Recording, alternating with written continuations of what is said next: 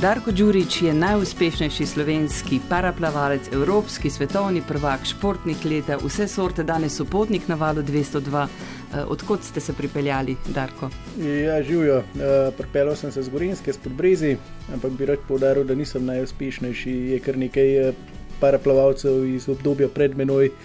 Ki so usvajali ogromen medalj tudi na paraolimpijskih igrah. Eden izmed najuspešnejših slovenskih paraplavalcev. Pravica. Uh, uh, kakšna je pot? Uh, pot je bila v redu, uh, ni bilo preveč prometno, edin tukaj v centru. Ljubljane se je mal uh, zabasal, po domače povedan, ampak se je kar dal uh, se, popeljati. Se pravi, trening za vami je v, v Radovlici? Uh, treniram v Ljubljani zdaj, tako da sem zjutraj bil že v Ljubljani, pa sem omešal še domov, tako da pa spet nazaj v Ljubljano. Tako da logistično kar postopek, ampak pot že poznate na pamet? Eh, skoraj, da sicer v miži še ne bi upal okay. peljati, ampak eh, poznam pa dobro. Ja. Kakšen voznik ste? Strpen, uh, ja, čisto dneva odvisen, da me lahko razburži najmanjša napaka, da nekdo niti ne da uh, žmigovce, kdaj pa se lahko skoraj kdo vame zaleti, pa niti reagira. Ne. Danes je bolj naporen dan, ugotavljamo vsi skupaj tukaj. Ja, ja danes je verjetno tak spomladanski dan, aprilski dan. Tako da je bilo tudi zjutraj kar težko ustati, ampak se je treba včasih malo potruditi. Um, za praznike ste bili doma, predvidevam, veliko nočne? Ja, za praznike vedno doma. Um, zdaj že kar nekaj let nisem bil ker sem bil vedno ali na kakšnih pripravah ali na tekmovanjih, tako da zdaj mislim, da je kar po nekaj letih, da sem bil prvič doma. A na nizozemskem ste potem tam praznovali? Ja, niti nisem preveč praznoval. Ker, samo jedli. Ja, tudi to ne, ker trenerji niso pustili, ampak sem pa videl, da je velika noč. Um, ti prazniki naj bi nekako umirili duha, ne? ampak ker je preveč težke hrane, ne vem, če nam ga ravno umirijo. Ja, mogoče umirijo duha, telo, sigurno ne. Imate nutricionista eh, pri vas tudi tukaj v, kakšni, eh, v slovenski ekipi? Uh, ja, če je potrebno, če recimo se zgodijo neprijetne ne nihanja v teži, imamo tudi na voljo svetovanje o prehrani, tudi se sodeluje z zdravniki. Da... Ne, pa, ne pa po prazničnega nutricionista. Mm, tukaj se pa športniki radi izognemo. A je regeneracija po takih prehranskih prekrških um, daljša kot regeneracija po napornem treningu?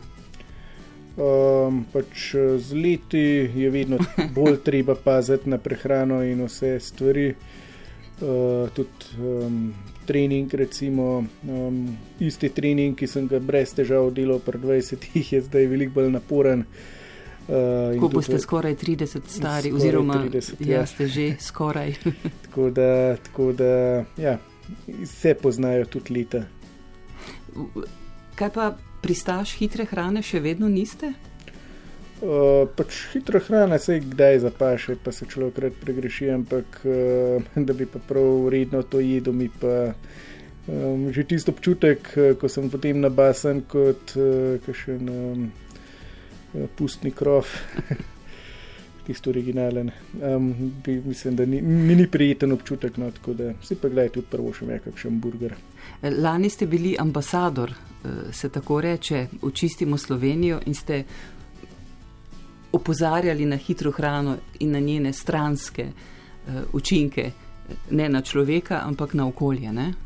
Ja, seveda, pa se to ni samo pri hitri hrani, ampak pri čisto čist vsaki stvari. Če greš v trgovino, pa imaš čisto vsako stvar zavito v en, stoj in eno embalažo, tako da mislim, da nismo samo ljudje krivi, da je tako, ampak tudi proizvajalci mislim, da bi se morali bolj osredotočiti mm -hmm. na njih, ne pa na opozarjanje ljudi, ki pač kupijo tisto, kar rabijo.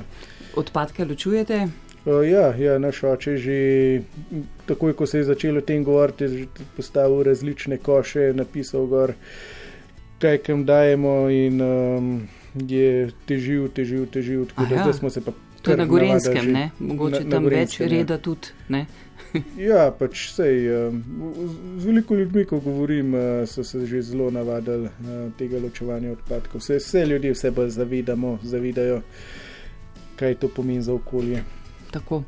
Darko Đurič, eh, kava, še kakšna, eno smo že. Kava ena je bila dovolj, če ne, me ne boste več iz oddaje dobili.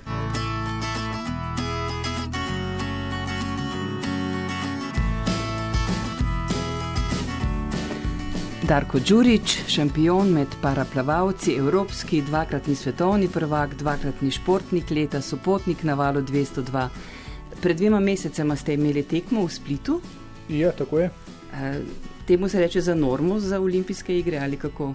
Um, ali ja, v bistvu je bila ena izmed uh, pripravljalnih tekem, oziroma sploh prva tekma po Evropskem prvenstvu. Um, tako da mislim, da več kot pol leta sploh nisem tekmoval. Uh, je bila pa tudi želja, da, da že na tej tekmi uh, potrdim norme za paralimpijske igre.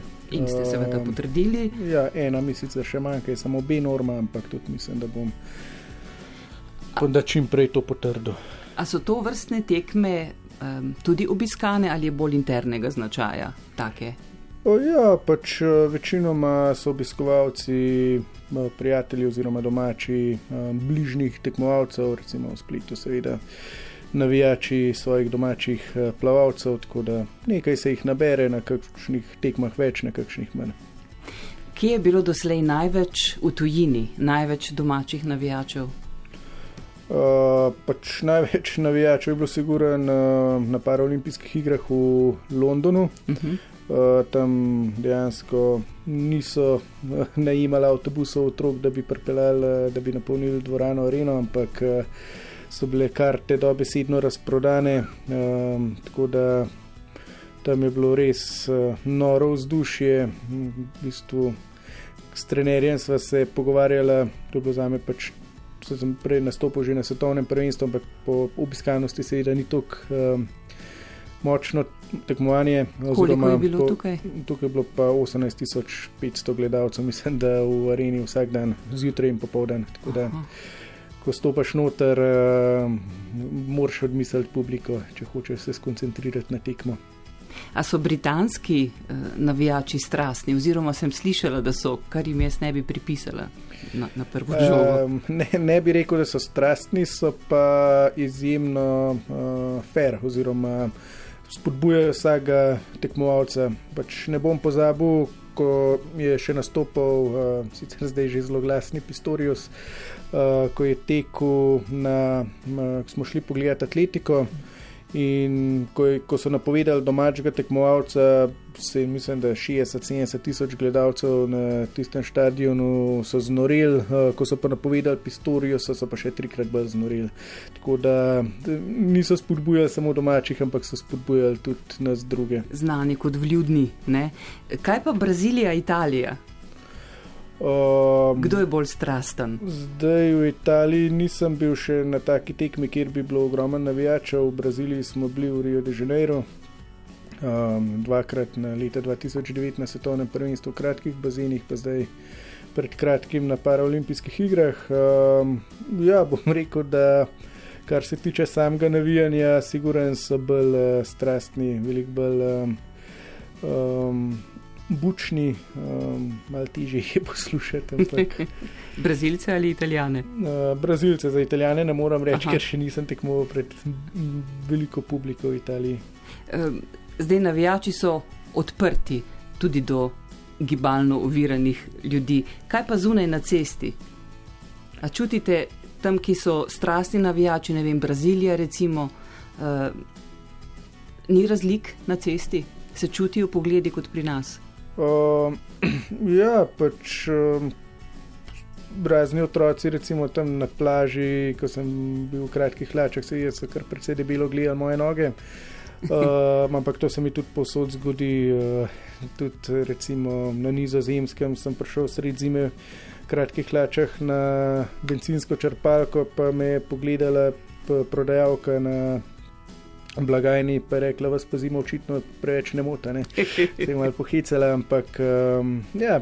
V različnih državah se je zelo različno reagirajo. Ampak na... odprto se je pohecala, odprto, ja. ni bilo nerodno in ni pogledala prav. Ja, ni, veliko krat se vidi ta razlika, predvsem v tem, da nekdo reče: A smem nekaj vprašati, kaj se je pa zven zgodil, kar mhm. -huh. ni nič moteče, uh, ali pa samo nadaleč prav debilo buli, pa da, ne, da, da se zgraža, kaj se je meni groznega zgodilo.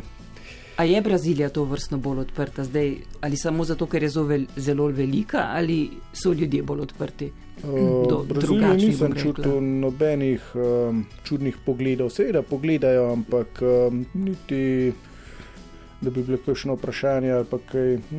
Normalno sem šel po ulici brez kakšnih hudih pritiskov. Tudi nizozemska živi bolj v sožitju kot recimo pri nas? Um, ja, mislim, da, da bom rekel, vse v Sloveniji ni tako slabo, ampak še zmeraj se še veliko moramo naučiti.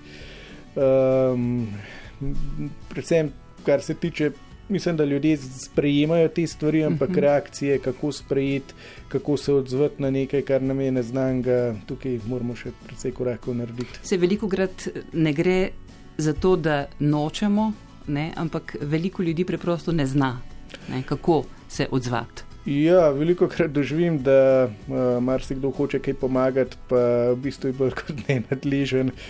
Pa provam enkrat, dvakrat reči na lep način, potem se pa že glih, da ne zaderem, pa mm, čist poštenega človeka po nesreči naderem, ampak dejansko na lep način se včasih ne da dopovedati, da, da ne rabim pomoči. Ja, ja, ali si ali smo preveč zadržani ali pa preveč ustrežljivi ja, ja. na nek način, preveč pozorni. Ne? Ampak, kaj pa otroci? Kako ste jim odgovorili na vprašanje, kaj bi raje imeli, obe roke ali noge? Uh, Bilo je eni v osnovni šoli. Ravno to vprašanje se mi danes zjutraj porajalo na treningu, ko sem plaval, kot uh, sem prvič v vodo. Um, ampak nažalost imam samo eno roko in če mi ta roka ne dela, kot si želim, se to zelo pozna. Tako da sem si danes zelo zjutraj želel, da bi imel še noge, da bi lahko samo noge plaval, pa ne bi roko v roke uporabljal. Eh, veliko krat greste med mlade. Uh, ja, je kar veliko povabil na šole ali pa razne skupine, uh, kjer v bistvu mladim predstavim svojo življenjsko zgodbo, pa tudi kako se sprejeti, kako se soočiti z drugačnostjo. To mislim, da tudi učitelji, starši se vse bolj soočajo s temi vprašanji, oziroma želijo to problematiko mm. narediti bolj zanimivo, in tiste, ki imamo tako izkušnjo, se jih da povabijo. Otroci ponavadi so najmanj v zadregi. Ja, niso redka tako vprašanja. Postavijo zelo zanimivo vprašanje. Mhm. Recimo v vrtcih, eh, ko res nimajo nobene omejitve, včasih moram zelo pomisliti, kaj so me vprašali, oziroma kako bi jim odgovoril so pa pravzaprav taki pogovori znajo biti precej odgovorna reč. A, a čutite to kot, ne vem, terja nek pravšnji pristop? Ne? Ja, seveda, vsako stvar, ki jim rečeš, določeno število teh poslušalcev um, vzame uh, kot neko resnico, seveda, in je treba paziti, kaj rečeš. Slovenci veliko krat pravimo, da smo taki zato, da se zato ne moremo pohvaliti z ne vem kakšno odprtostjo do do drugačnih, zato ker smo zelo majhni. Ne? Podbrežje, kjer živite, je tudi zelo, zelo majhno in so vas takoj sprejeli. Podbrezje je, Podbrezje, ja, tako, je, je majhna vasica, nekje 800 prebivalcev. Um, pa mislim, da je lažje v majhnem okolju sprejeti nekoga, ki je drugačen, zato ker ga večkrat vidiš, hitreje se ga navadaš. Sem, sem že razlagal o primerih, včasih so bili razni ti um, domovi oziroma zavodi za osebe z motnjami v duševnem razvoju nekje na obrobju mesta, da se jih je ločilo družbe, da jih boh ne, dej, ne bo kdo videl, da se jih ne bojo otroci strašili. Uh, pa je nekdo enkrat prišel na eno idejo, da bi to postavil nek nasred kraja, mm. da so vsak dan šli čez mesto, čez glaven trg, na sprehod. In so s časom ljudi se jih tako navadili, da niso več imeli težav z njimi. Tako da mislim, da večkrat se soočajo z neko drugačnostjo, manjo kot drugačnost jemliš. Bi pa bilo najbrž okolje dlje časa zadržano do vas, če bi ne imeli take vzgoje, kot ste jo eh, imeli. Ne? A je to vaša krušna mama rekla, ima vsaj roko bože? O, ja, marsikdo mislim, da, da ja. je v, v moji okolici to izjavil. Um, mislim, da je bilo prav, da so veliko zahtevali od mene, pač, kar sem rabo, so mi seveda nudili. Ampak, um, kar se pa tiče samostojnosti, pa ni bilo nikoli debate, če so videli, da obstaja odstotek možnosti, da nekaj naredim, so to zahtevali od mene.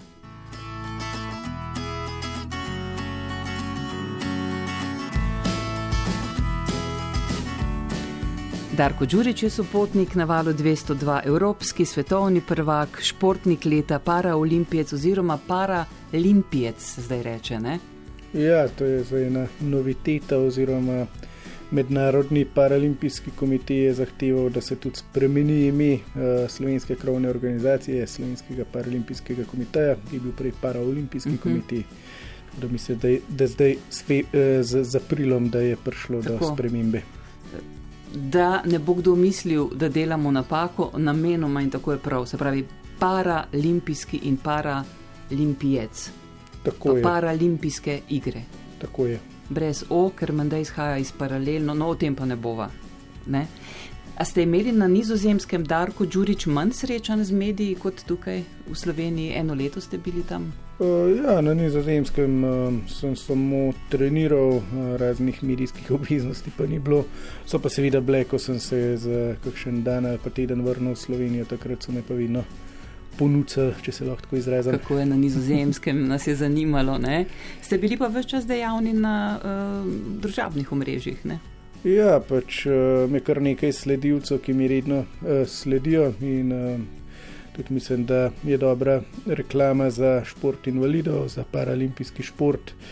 Uh, tudi sami moramo biti precej aktivni, uh, kdaj so kakšne stvari, ki še vedno uidejo budnim očesom novinarjev, uh, tako da mogoče kdaj sami poskrbimo za kakšno novico. A, ni nevarnosti na Facebook profilu, ste, da bi vas odneslo kam preveč, da bi bili preveč odprti, intimni, mora biti. Ne, pač uh, vedno se predstavljam tako, kot sem. Uh, tudi, ko je kakšna stvar, ko me moti, recimo, uh, tudi opozorim, si da probujem čim bolj argumentirati, zakaj je temu tako. Um, če so stvari za pohvalce, da so se za pohvalce. Mislim, da smo uh, športniki ali samo ljudje in tudi se lahko na, na teh omrežjih daj pokažemo s kakšno napako. E, vam je pa to omrežje prineslo ljubezen, ne? Ja, ampak tiste je že minila. minila ljubezen? Ja, seveda. Nista bila nič uh, v hribih zadnje čase? Uh, ne, pač hribi so malo previsoka uvira za me. Ampak ste obiskovali uh, hribe z uh, dekletom z Facebooka? ja, pač ne ravno hribe, malo mal bolj zahtevne gričke, take, ki so bili še vedno realni, realen domet za, za moj način hoje, ampak um, ja, če bi bile čas. So hribčki težje, jih je teže usvojiti kot uh, stopnice, so stopnice večja prepreka za vas? Uh, čisto odvisno, če je kakšno ograja, uh, se da marsikam prelest, uh, če ni ograje. Je pač tudi malo odvisno od dneva, če recimo tak dan, kot je da, danes, danes um, ko sem utrujen in imam tudi malo slabše ravnoteže, sigurno na kakšne visoke stopnice ne bi upal list. Premišljujete, kaj, kaj bi pogrešali, če bi ne plavali profesionalno? Ta, kaj bolj adrenalin, vznemirjenje, ki je pred tekmami, ali tisto olajšanje in zadovoljstvo, če je po tekmah? Najbrž ni samo to dvoje, ampak. Eh, mislim, da to pričakovanje, oziroma ta adrenalin pred tekmo, ko ne veš, kaj bo, da si vse do prav naredil, uh, ko imaš lahko vedno isti protokol, pa nikoli ni, ni isti rezultat. Uh, tako da mislim, da ta adrenalin, da ko bom enkrat njihov plava, da bom najbolj pogrešal ko priješ na štart, ko se probaš skoncentrirati. A te lahko Zdaj, gibanje te lahko zasvoji, ne? pravi plavanje, ja. Treningi najbrž človeka ne morejo zasvojiti, da bi ne mogel brez njih ali pač. Uh, ja, recimo, ko pride kakšna pauza, um, ko začnem pogrešati tudi ta uh, napor na treningih, uh, ko v bistvu iz dneva v dan, iz tedna v teden opažaš napredek. Um, ko greš v bistvu na, na trening uh, z muskelfibrom, z bolečinami, težko ostaneš, pa še zmeri nek dober trening narediš. Mislim, da, da to bom, ko bom enkrat nehal plavati, zares, da, da bom to pogrešal. A si kdaj rečete, da ste zasvojeni s športom? Je zelo tenka meja med nekim zdravim odnosom in zasvojenostjo. Ne? Ali ne, moraš kar biti, če si? Mislim, da, da se zelo trudim paziti, da hm, pač ne, ne presežem te meje, ker pač recimo moram paziti na svojo roko, konec konca je to edina roka. In če bi prišlo do kakšne kronične poškodbe, bi lahko že za nadaljne življenje imel hude težave, mm. tako da tudi trenerji smo uh, na kakšnem dogovoru, da čez to sigurno ne gremo. Uh, tako da močno upam, da ne bo kdaj kakšna operacija potrebna, oziroma da bi do tega prišlo. Um, sem pa seveda zasvojen s tem adrenalinom, ki, ki ga šport prinaša, to pa je zagotovo. Ker na vse zadnje je tudi družba, če dalje bolj naravnana v to, da želimo več, da želimo biti lepši, boljši, hitrejši. Ne? Na vse zadnje eh, tudi v športu postaja glavno gonilo kapital. Kako je to pri vas, pri športu invalidov?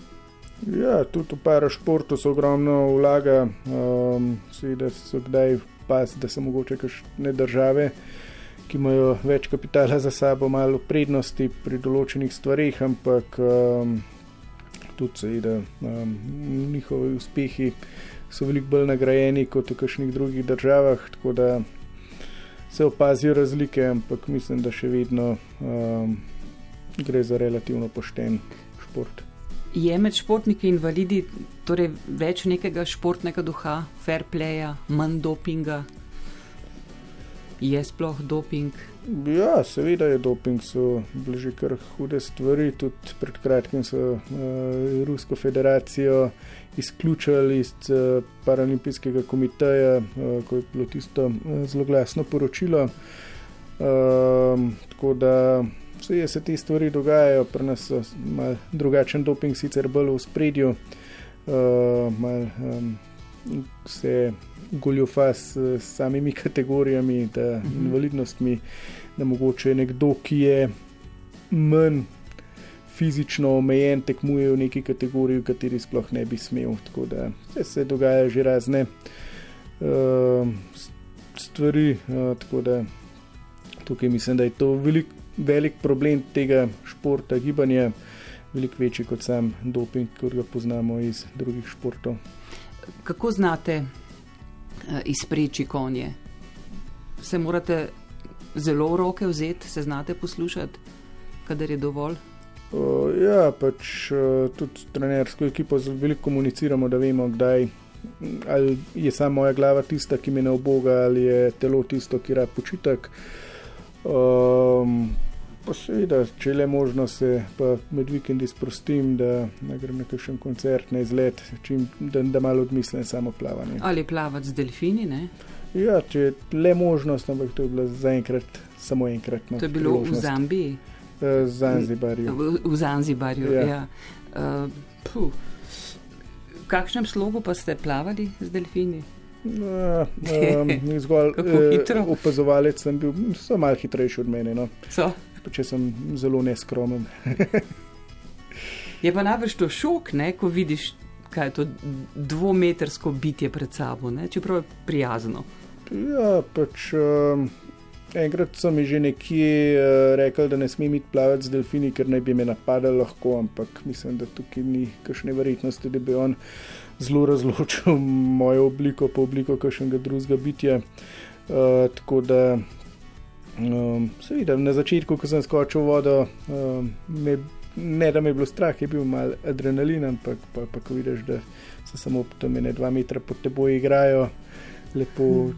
plavajo, je pa zabaven občutek. Ih je res treba za komunikacijo pogledati v oči in neke cvileče krike spuščati? Eh, nisem probal. So vam to ker, povedali eh, kot ker, navodila? Ne, sem imel tam kar enega dobrega vodiča, tako da verjetno, če bi to držal, da, da bi mi povedal, no, glede na to, da je najdel lokacijo, kjer ni bilo preveč drugih eh, čovnov, pa še zmeraj bilo veliko delfinov. A ja, sami ste imeli to možnost plavati? Mm, ja, ja, na srečo, ko smo mi tja prišli, vodič pa pač voznik čovna, pa jaz, da da so se vsi ostali že odpravili, tako da je bila milina Kako blizu pa ste si bili z, z delfini? Mislim, da nekje pol metra najbližje. A res. Darko Đurič, Val 202.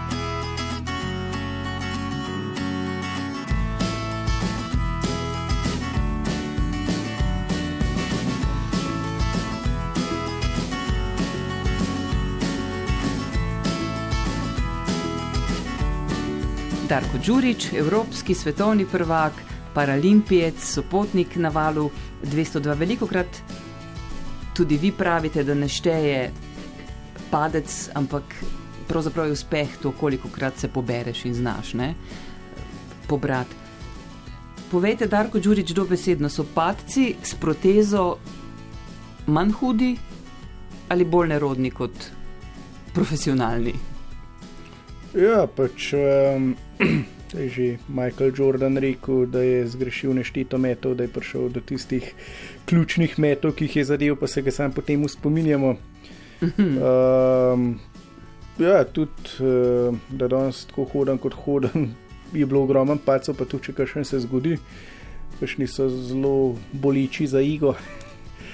Um, ampak um, sigurno je pa težje prenesti, recimo, neuspeh na paralimpijskih igrah, ko pričakuješ medalje, pa si potem četrti uh, za miši rep. Tako da tisti, ste vas sigurno veliko bolj boliče. A ja, vaš zavetnik svet in Nikolaj. Nikolaj, ne, ne to je, to je bila pa šala, ki sem jo enkrat objavil. Zavetnik, uh, zavetnik vseh četrtih mest, sveti Nikolaj. Ne. Ampak zdaj vas je kar zapustil, ne? Uh, upajmo, da me je zapustil. No tako da želim više od četrtih mest. Koliko protest pa ste vi že preizkusili?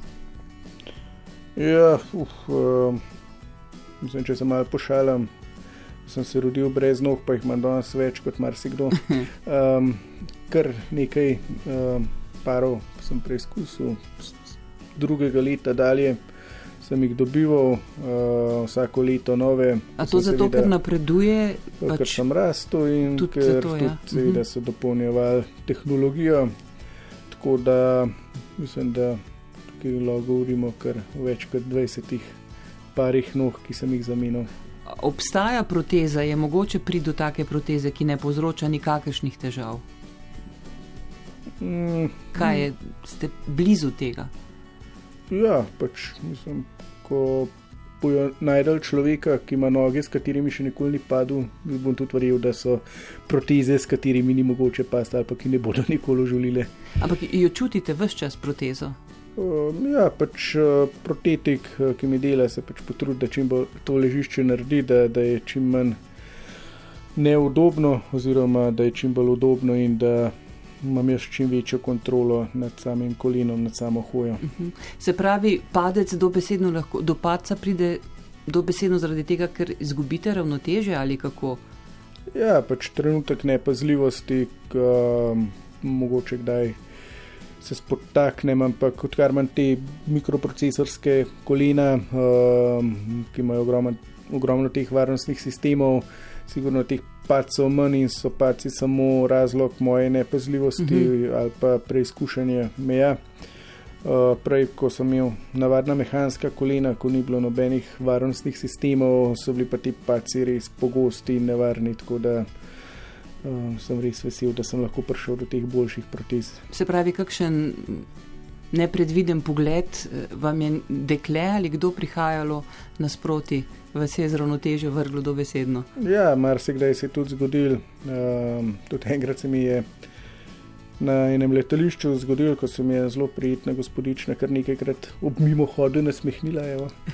Uh, pa sem se enkrat sedel v pogumu, se nasmehnil nazaj, se obrnil za njo in v tem trenutku sem se spotaknil na redu dva prevala. Uh, kar me je najbolj fasciniralo, da vsi so v las skočili, kako mi bodo pomagali, ona se je pa odzad potuhnjeno hahljala, tako da je zabavna izkušnja.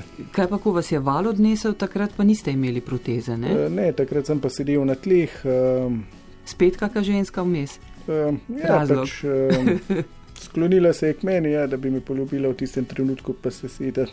Očitno više sile niso strinjale s tem poljubom, tako da me je val odnesel. Morajo vam urediti. Zdaj imate najbolj stabilno protezo, ne? kar je uh, mogoče. Ja, mislim, to, kar trenutno uporabljam, um, je na trgu um, kar eden boljših pripomočkov. Vas pogled v levo ali desno ne more več odnesti? Težko se to zgodi. Ja. je bil vaš prvi motivator, eh, neuraden oče, pozabila sem ime Martineza, Martineza, uh, vašega kolega, plavalca?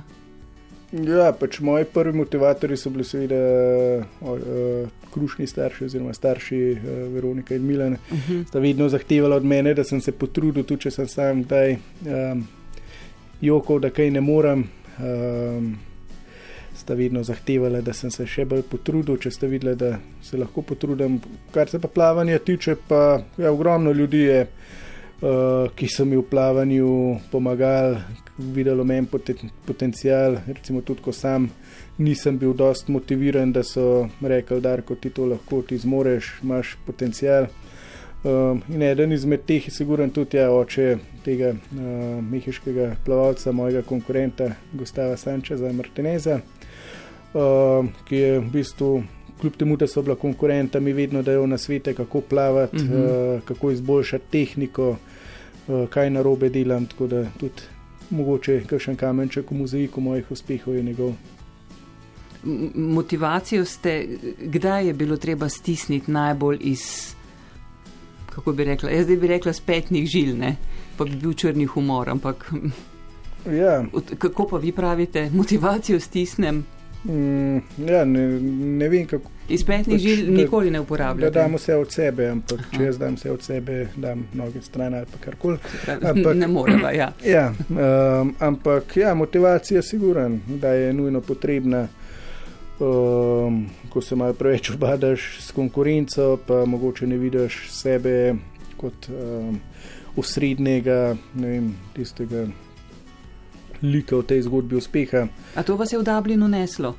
Ja, v Dublinu sem naredil to klasično športno napako. Preveč kolege gledali, ne? Uh, ja, mislim, da marsikateri vrhunski športnik bi znal to povedati, da, da je to res. Uh, sem naredil veliko napako, požaril sem vodo, um, v bistvu sem zgubil kontrolo nad sabo. Um, ampak naslednji dan, ko sem se pa sprostil, ko sem rekel, da gremo odplavati, da gremo uživati, uh, se je pa tudi zgodil uspeh. To je bilo lani. Tako je. In vrnili ste se z medaljo. Evropskem, z dvema ja. medaljami na Evropskem prvenstvu. Darko Đurič, Val 202. Darko Đurič, paraplavalec, evropski svetovni prvak, sopotnik na valu 202. 30 let boste stari letos, kako se vam to zdi? Lepa leta? Ja, verjetno so lepa. Moram reči, da moja 20 so bila kar super leta. Sem veliko zanimivih stvari doživel. In glede na to, da ponovadi so vedno prejšnja leta podlaga za naslednjo, verjamem, da bodo 30 še boljša. Še boljša. Do katere mere ste vi zazrti v prihodnost, koliko naprej vas zanima? Ja, pač uh, razmišljam o stvarih, kako bom, recimo, ko bo po plavanju, ko ne bom več uh, recimo, finančno odvisen od plavanja, ko bom mogel druge stvari početi. Želim si neke temelje postaviti za naprej, da ta prehod ne bo pretežak. E ne vem, če smem vprašati, študij ste končali? No, ja, to sem ravno zdaj se malo bolj intenzivno lotil, da še to zaključim. Da, recimo, da bi imel potem pripravo na Tokio 2020, brez misli na to, da moram še recimo nekaj zaključiti. Zdaj na Tokio slišim, da se pripravljate že tudi tako. Uh, poskusili ste, kaj je že tista uh, riba fugu? Ja, riba napihovalka. Ste upali to pojesti? Ja, pač poskusiš, vse je eh, glede na, na odstotek smrtnih primerov. Mislim, da glede na to, koliko krat sem zadev na lotu, tudi nisem verjel, da se mi bo to zgodilo. No. In glede na to, da imate srečo v življenju. Tako je. Ja ker to je ena, to je strupena riba, ne, ki paralizira lahko mišice in, ja, in, in zadušitev povzroči. Če zaužiješ preveč tega strupa, zna biti kar kriza. Če ni v redu kuhar. Uh, ampak mislim, da ne bi to dajal, če bi bilo tako nevaren. Saj pač sem se že enkrat pohical, da Japonci imajo fugu, mi imamo pa polsko govedino, tako da ima vsak svoje gurmanske značilnosti, specialitete. Evropsko svetovno prvenstvo ne bo v Maleziji, ampak v Londonu berem. Vam je to všeč? Ja, sigurno, zato ker London um, je gostil paralimpijske igre uh, leta 2012, super bazen, super arena. Um, ampak v Maleziji, oprostite, ste že bili? Ne, nisem še bil, ampak če bom šel, si bolj želim iti kot turist, ne pa tekmovati, ker verjamem, da organizacija bo na višjem nivoju v Londonu. Na Tajskem ste bili? Uh, kot turist, ja. Kako? se vam zdi Tajska? Zanimiva, ampak um, mi bi, so mi kakšne druge države malo bolj fascinirale. Uh, recimo zdaj Tanzanija, Zanzibar, zelo zanimiva, lepa. Um, kar se pa tiče recimo Brazilije, energija v Rio de Janeiro. Ne, no, nihče mi ne verjame, ampak meni men je to izjemno mesto. Um, recimo Montreal, Berlin, to so ena najljubših mest, sem jih kadarkoli obiskal.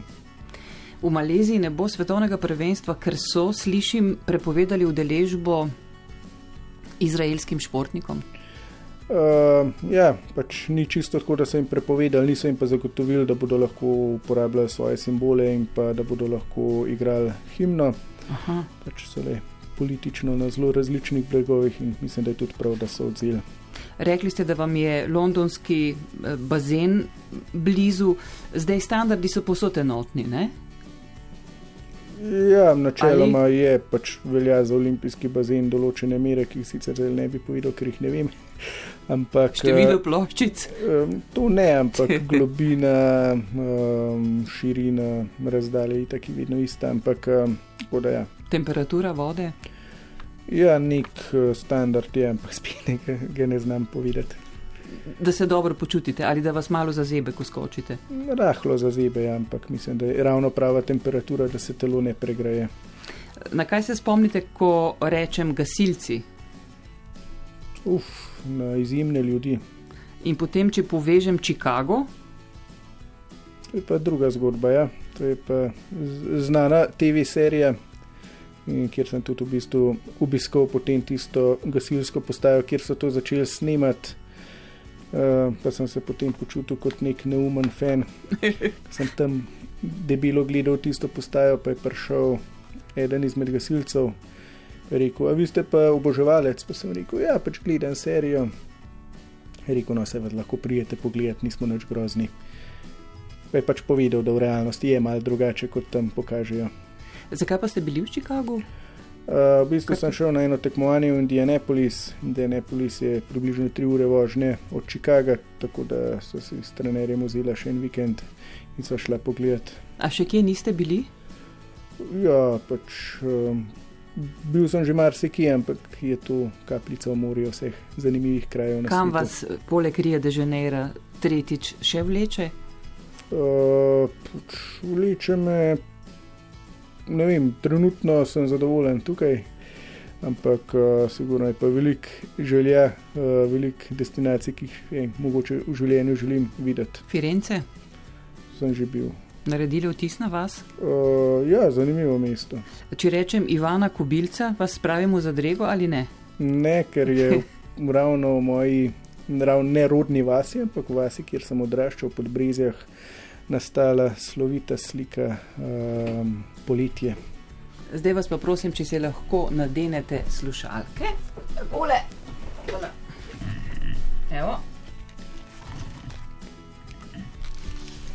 Evo. Bova.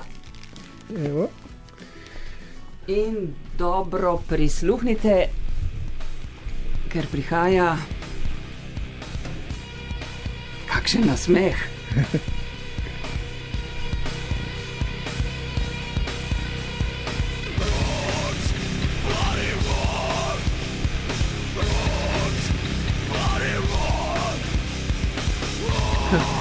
se lahko človek skoncentrira pri taki muziki.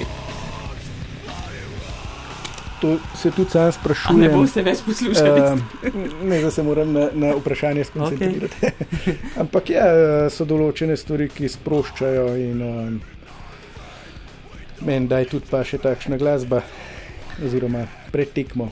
Ker ta, to je že ponarodelo, ne imeli ste slušalke na tekmi, zdaj sem pa pozabila. Uh, v Rio de Janeiro 50 metrov delfin. Tako. Um, in ste bili tako zatopljeni v to glasbo, da ste skoraj skočili v vodo z njo. Mislim, Ja, s slušalkami. pač, recimo Angliži, Britanci so imeli Eddie the, Eddie the Eagle, Slovenci smo pa dobili Darko s slušalkami. Imate pa s kitaristom oba korenine v Mari, eh, Mariborske, ne? Ja, mislim, da njegova stara mama nekaj takega izhaja iz Maribora, tako da sicer ne govori slovensko, ampak ve pa ogromno o Sloveniji. n- Ni pa to njegov glas, ne poje on. Uh, ne, on je kitarist. Mislim, to vas, ne vem kako bi rekla, v resnici zna pomiriti. Uh, ja, pa marsikdo mi ne verjame, da um, me takšna glasba pomiri. Ampak kdaj, ko sem res um, živčen, ko um, pod stresom pa si to zavrtimo avto, kakšen divji komat, kar pa še no, moram priznati. A je eh, bila na Facebooku ste objavili sliko, ki imate kitaro v roki, tale Gibsonka S. Mm, Uh, ne, G. ne znam povedati točno, katera vem, pa katero Mislim, da je ampak Gibson SG, ja imam zapisano. Uh, čigava je bila ta kitara? Uh, to je bila zbirateljska kitara oziroma izbirke enega, uh, v bistvu je bil eh, reševalec na bazenu v Amersfortu, kjer sem treniral na nizozemskem. Uh, pa tudi povedal, da je velik navdušenec nad drug glasbo. Se enkrat dogovorili, da sem ga obiskal. Imel je zbirko več kot 4000 LP plošč, uh, nekaj kitar zanimivih. Uh, ta kitara je pač zanimiva zato, ker jo igrata dva zelo znana kitarista. To ni pač kitara, ki bi jo oni dva igrali, ampak samo primer take kitare. no. Igrasta, igrata ga, um, en Angus, Angus Young od ACDC, pa Tonija Jomi od Black Sabbath. to sem se naučila, uh, ker Mitja. Seveda obožuje to glasbo in zato jo zdaj vse čas poslušamo, eh, še vedno. Kaj pa tale nemška trash metal skupina Creator ali nekaj takega? Ja, To vam je tudi ljubo, ne? uh, ja, pač nisem spoznal v, v istem uh, večeru, oziroma ko sem obiskal koncert Sepulture na Dunaju, uh, kjer sem v bistvu lahko v backstageu za udarju z njimi se mal pogovoril, pa so tudi fanti iz Sepulture povedali, fantom iz Creatorjev. Kaj se, se je dogajalo v Braziliji, pa smo se kar mal nasmejali na to temo. Zdaj pa, če rečem Ronaldo. Ste me pogledali, Ja, ne, treba malo. kaj bi zdaj rada, Ja. ne? Ko je bila ja taka tema, ki vam je ležala zdaj. Brazilski ali portugalski. Uh, ta z Madeire. Ja, Z Madeire, ja, to pa je uh, bila tudi. A je v redu, ga Um, poznate? osebno ne, sem pa obiskal njegov muzej, ko smo imeli Evropsko prvenstvo na Madeiri, pa seveda sem tudi uh, kupil um, neko uh, spominsko kartico s uh, nekdanjemu trenerju, ki je bil velik oboževa- oboževalec misije. Aha. In zakaj uh, vam Messi ni bolj všeč? Ne, pač nisem, mislim, rad spremljam nogomet, ampak v te debate, kdo je boljši, Se ne spuščava. se ne bi ravno spuščal, ker leči v les vodi neko Peter.